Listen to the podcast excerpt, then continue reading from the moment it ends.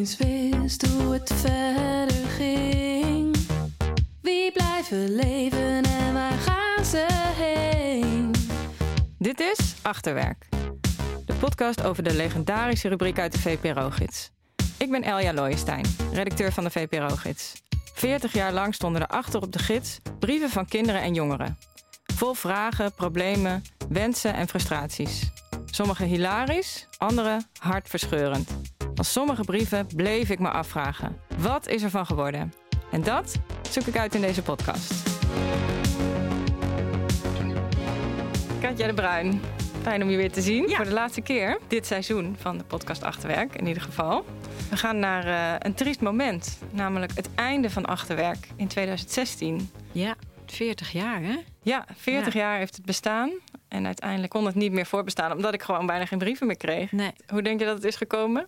Ja, dat was toch het internet. Ze konden wel ergens anders terecht met al hun vragen en zorgen. En vooral gelijkgestemden vinden. Want dat, daar was achterwerk natuurlijk vooral voor. Ja, daar hoef je nu niet meer voor op de achterkant van de tv-gids te kijken.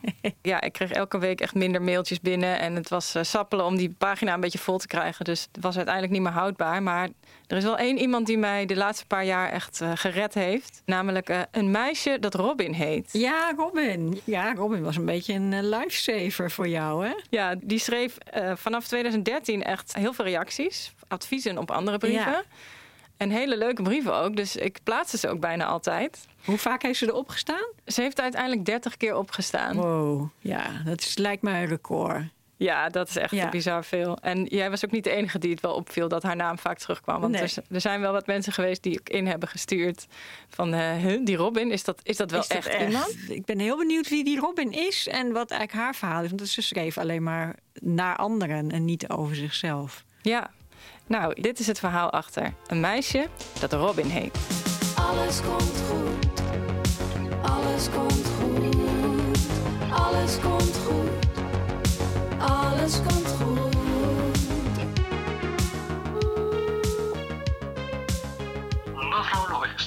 Ja, dag.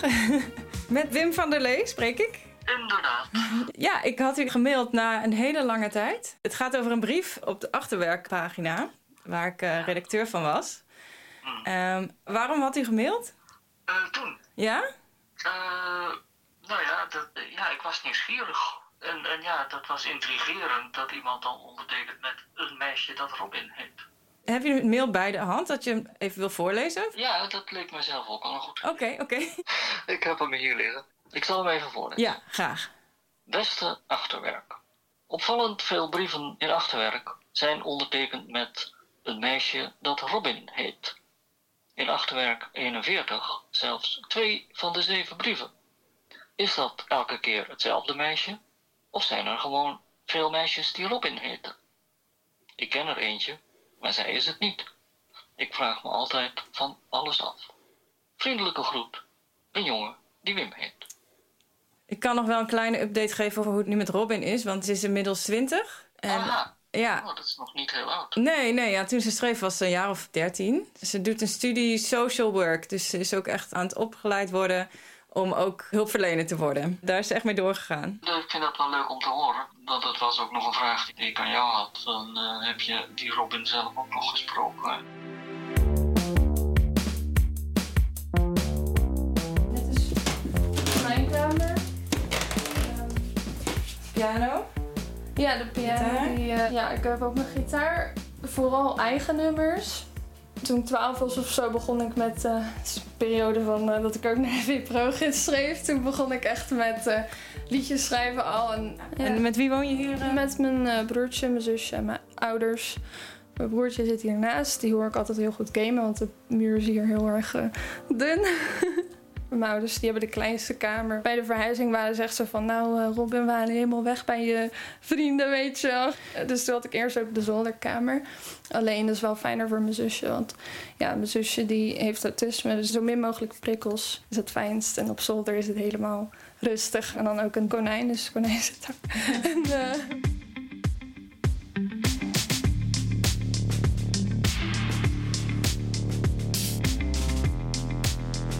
Ik weet echt nog precies dat ik iedere dinsdag was het volgens mij dat het aankwam. En dan kwam ik thuis van school. En dan ging ik heel snel naar de brievenbus, weet je wel. Van, eh, en dan was een VPRO.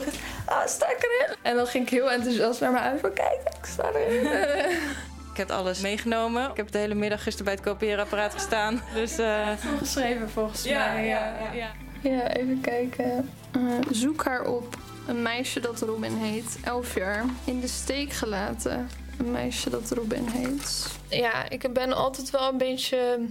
Nou ja, anders geweest dan de meeste kinderen. Laat ik het zo zeggen. Kijk, we zijn allemaal uniek. Maar ik viel wel altijd een beetje buiten boot eigenlijk. Ehm, ja, ik werd... eh, op de basisschool ben ik best wel lang ook gewoon... Ja, ik werd niet heel erg gepest, maar vooral dat buitengesloten, vooral heel erg passive-aggressive was het, zeg Mm. maar. Weet je wel? Dat je de hele tijd eigenlijk het gevoel had van... oké, ik ben niet, duidelijk niet welkom, want ik mag niet meedoen. Of in de winter gooien ze allemaal ijs op me en eh, houtjes en zo, dat soort dingen. Op een gegeven moment, ja, toen stortte ik echt in. Toen was het me echt te veel. Ja, toen gingen mijn ouders met... eh, school praten. Toen gingen we ook met de pesters gingen we erbij praten. Mijn ouders hadden ook met de ouders van hen gepraat. En toen kwam ik dus erachter dat ze dus hun eigen dingen ook thuis hadden. Maar goed, dat maakt pesten natuurlijk nog steeds niet oké. mhm. Maar dat zie je hier dus ook, dat ik dan zeg van ga praten met haar na school. Omdat ik, dat had ik ook gedaan. Dat was gewoon mijn ervaring toen. het ging eigenlijk helemaal over jou, zonder dat de lezer dat dan door had. Ja. Ja. Niet ontploffen. Een meisje dat Robin heet. Wow, ik heb een heel stappenplan. eh, jeetje. Ja, ik las toen ook veel Hoe overleef ik en Carrie Slee. Dus dat is wel echt een grote inspiratie. Ah, ja, ja, ja. Credits naar Francine Oben. Ja, dat ging ook natuurlijk over kinderen in de problemen. Of, Ja, eh, precies. Dan, daar begon het al een beetje. Dat interesse dat ik had in eh, voor mensen die wat meer moeilijkheden hadden dan ik eigenlijk. En was je toen ook al bezig met mensen in je eigen omgeving allerlei eh, adviezen te geven? Ja, zeker. ja, ik weet nog dat er ook gewoon een keer, eh, was volgens mij in groep 7. Toen kwam er een ouder naar me toe, dat ga ik echt nooit vergeten. En die zegt zo tegen mij: Robin, je bent echt net een engel. Ik zie jou zo tussen iedereen heen en weer bewegen en alles een beetje bemiddelen en zo. Stond ik als elfjarige, ik stond daar echt van: hè, wat, wat eh, moet ik met deze opmerking? Maar waarom zei ze dat dan, denk je? Ja, ik probeer gewoon altijd mensen te verbinden, denk ik. Gewoon te zorgen dat iedereen elkaars kant begreep. Zoals mijn ouders dat dus ook eh, aan mij hebben geleerd. Ja, ja, dus dat heb je van huis uit wel meegekregen. Ja, gewoon empathie voor iedereen. En dat zie je ook wel in die uh, VPRO-gids, denk ik. Ja, zeker. Dat was me ook opgevallen toen ik ze een beetje door aan het lezen was. dat als mensen dan zeiden van ik heb problemen met iemand, dat je dan schreef van ja, maar je moet ook een beetje van die kant bekijken. Ja. Oh, deze. Die ga ik echt nooit vergeten. Eh, zeehond hyena. Dat is van die... is van die lach. Het was van iemand die vond zijn eigen lach een Ja. gênante lach. En misschien moet je eens proberen een andere lach te oefenen. Het klinkt heel raar, maar het helpt waarschijnlijk wel. Je kan gewoon accepteren dat je een aparte lach hebt. Zo ben je gewoon. Ik kan me dit heel goed herinneren. Ik denk omdat ik zelf ook wel soms onzeker was van... eh doe ik nu niet heel raar. Maar dat ik gewoon altijd... Ja, dat is ook iets wat ik vanuit huis heb meegekregen. Gewoon, je mag jezelf zijn. Nee, ik denk ook wel echt dat dit iets is waar ze echt iets aan hebben gehad. Ik denk dat ik hem daarom ook geplaatst heb. Dat ik dacht, ja, dit is nou eens een eh, advies waar iemand wat aan heeft.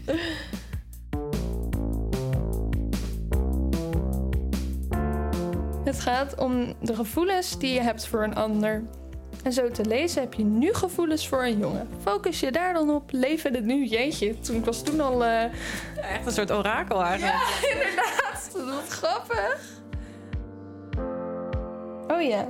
Wees je eigen beste vriendin. Ja, dat heb ik ook echt van hoe overleef ik hoor. Sowieso. Ik vind het niet aardig dat je vriendinnen je in de steek laten. Ze begrijpen die grote verandering niet. En jij volgens mij evenmin. Jeetje, wat, ik ben 13. Waarom praat ik zo? ik ben erg bang dat ik lesbisch ben. En dat zou ik eigenlijk niet moeten zijn. Dat is echt een van mijn angsten. Ja, dat weet ik ook nog heel goed. Ik speelde toen heel veel The Sims ook. Ja. En eh, dan zie je altijd, heb je verlangen en angsten. Dus ik schreef dat ook voor mezelf op in het echte leven, weet je. Ik ging opschrijven, wat zijn mijn verlangens en wat zijn mijn angsten? Ah, ja. En dan had ik daarbij gezet dat ik lesbisch was. Want ik dacht van, dan krijg je allemaal negatieve reacties uit de omgeving. Dat is grappig. En nu ben ik met heel veel mensen bevriend die eh, gewoon uit de kast zijn gekomen. En, eh, en zelf ben ik er ook nog niet helemaal uit. En ik ben er helemaal oké mee. Kun je vertellen als je dan zo, hoe, je, hoe je erbij zat, zeg maar? Had je je computer op je kamer? Of hoe ging dat als je zo'n brief ging? Nee, ik had geen eh, laptop, eh, hadden we niet eh, toen. We hadden gewoon één vaste computer. Dat was ook echt een ding, want ja, dan moest je verdelen natuurlijk over heel de dag. Want je had ook nog een broertje en een zusje. Ik deed toen ook al een beetje online spelletjes. En dan gebruikte ik dus ook die tijd om... Dat deed ik dan als eerst, weet je wel. Eerst, dit moet ik gedaan hebben. Ik moet mensen geholpen hebben. En daarna gaan we... Ja, mag je spelletjes spelen. Ja, precies. Als ik dan eenmaal iemands verhaal las, dan moest ik daar tot internaliseer ik.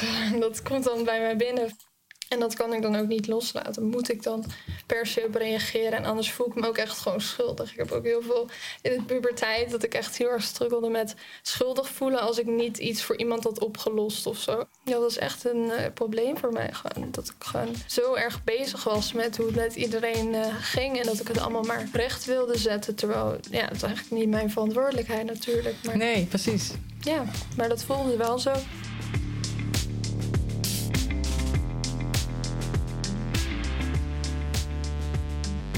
Je trekt je problemen wel erg aan van anderen. Ehm, ja, het is gewoon. Het voelt alsof het van mij is. Ik heb het ook een keer omschreven aan eh, een vriendin van mij.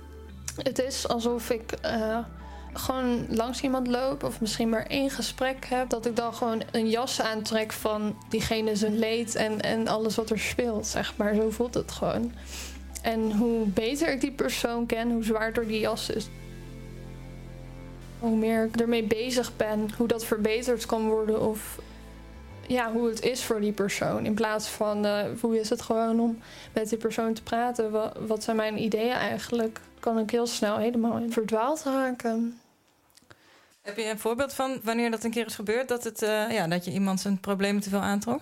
Ehm, ik had een eh, vriendin die, ja, die sneed zichzelf, zeg maar. Ik was toen 15 en dan stuurde ze dat soms gewoon in de groepsapp dat ze het allemaal niet meer trok en er niet meer wilde zijn.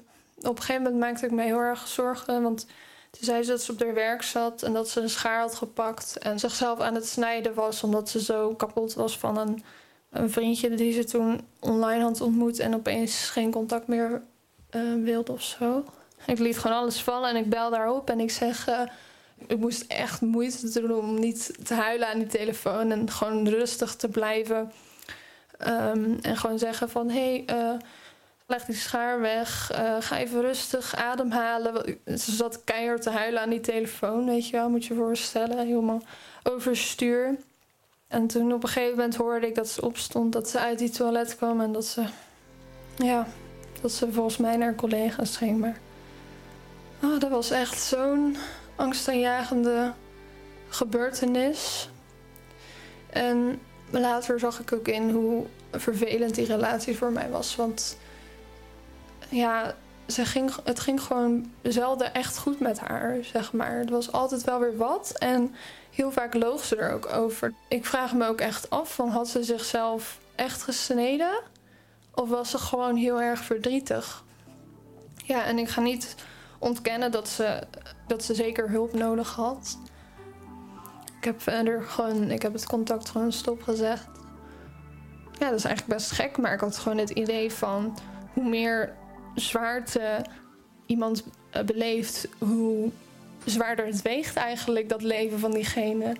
Van hoe meer problemen iemand had, hoe meer die het verdiende om, om geholpen te worden eigenlijk.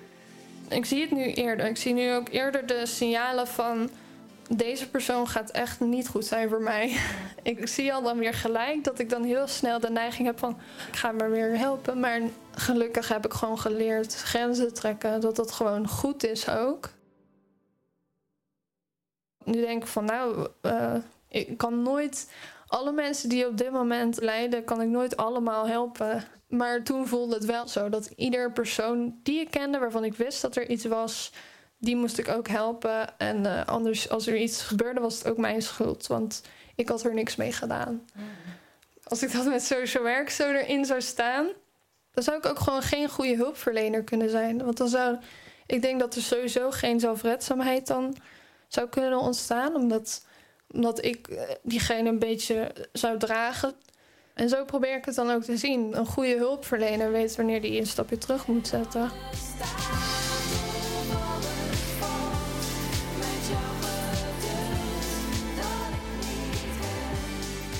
Voed hem op. Een meisje dat Robin heet, 13 jaar. Beeldschermuurtje. Een meisje dat Robin heet. Vriendenkring. Een meisje dat Robin heet. Vriendschap moet van twee kanten komen. Grappig. En ik dacht nog dat mijn eerdere brieven een beetje aan de voorkant waren. Maar nu zit ik helemaal uh, zweverig en filosofisch. Ja, je groeit uh, in je rol, denk ik. Uh. Ja, ik voel me steeds meer het orakel. en hier sta je zelfs twee keer in? Volgens mij vond ik me toen ook helemaal speciaal. Dat ik gewoon twee keer erin mocht.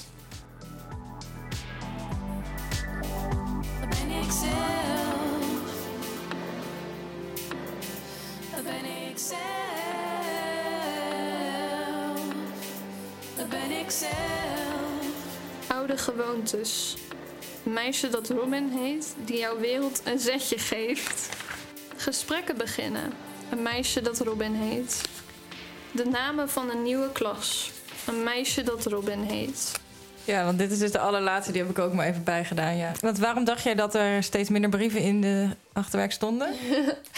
ja, ik dacht oprecht dat alle problemen waren opgelost in de wereld.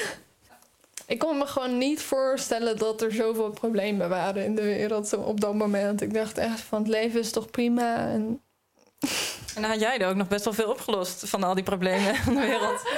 ja, ja, dat is wel echt iets wat ik gewoon tegen mezelf moet blijven zeggen van... Je kan niet alles oplossen. Ja, als ik dat bij iedereen zou doen, dan zou ik echt hartstikke moe worden. Nou, Katje, dat was Robin. Het orakel dat Robin heet. Het is natuurlijk voor haar nog helemaal niet zo lang geleden ook. Het is ook een soort van inzicht in haar jeugd. Ja, zeker. Ja. En ze voelde zich ook bijna moreel verplicht om al die problemen op te lossen voor mensen. Ontroerend. Ja, vond ik ook ontroerend. En ook wel schrok ik wel een beetje van, oh, ze, het was best wel druk voor haar. Het is echt dat dit moet ik eerst doen en dan mag ik Sims uh, spelen. Ze heeft wel veel mensen geholpen, denk ik ook. Ja, met dank aan Francine Ome. Hè? Ja. ja, ik dacht dus dat het allemaal vanuit haarzelf kwam, maar het kwam dus van Francine Ome en de Sims. En de Sims, ja. nou ja, zo zie je maar weer. Je kunt wijsheid is overal vinden. En voor de achterwerklezers was die wijsheid dus bij Robin. Ja, maar je snapt wel als je het zo allemaal achter elkaar hoort dat bepaalde mensen dachten. Hè? Alweer een meisje dat Robin heet? Nee, dat kon niet doorgaan. dus dat was wel duidelijk. Goed geweest dat er een punt achter werd gezet. Dat, dat kun je nu wel concluderen. Het is wel, nu ik dat ook weer allemaal zo hoor, denk ik wel van... Ah, het was wel echt een leuke en heel bijzondere rubriek. Zeker.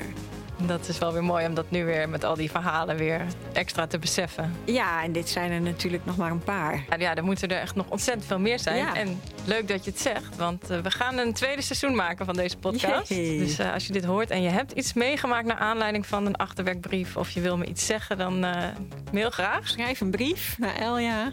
VPRO Gids Postbus 11 1200 JC in Hilversum. Vergeet niet je adres dan ook te vermelden. Anders zitten wij met al die brieven die we niet door kunnen sturen. Oh ja, dat weet jij natuurlijk nog heel goed. En het mailadres achterwerk.vpro.nl, dat bestaat ook nog steeds. Oh ja? Ik krijg nu alleen af en toe wat spam, maar ik hoop dat dat weer helemaal tot leven gaat komen nu. Nou, ja, dat was het denk ik. Ja, Katja, heel erg bedankt. Jij bedankt. Ik vond het fantastisch. Ik verheug me alweer op de volgende serie. Tot dan. Tot dan. Er is maar één ding dat ik horen wil. Alles komt goed en daarna wordt het stil. We kijken morgen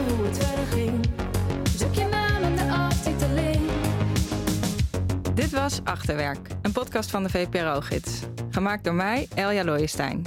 Met research van Niels Hoeben, eindredactie door Rosa van Toledo en mixage door Sam Huisman.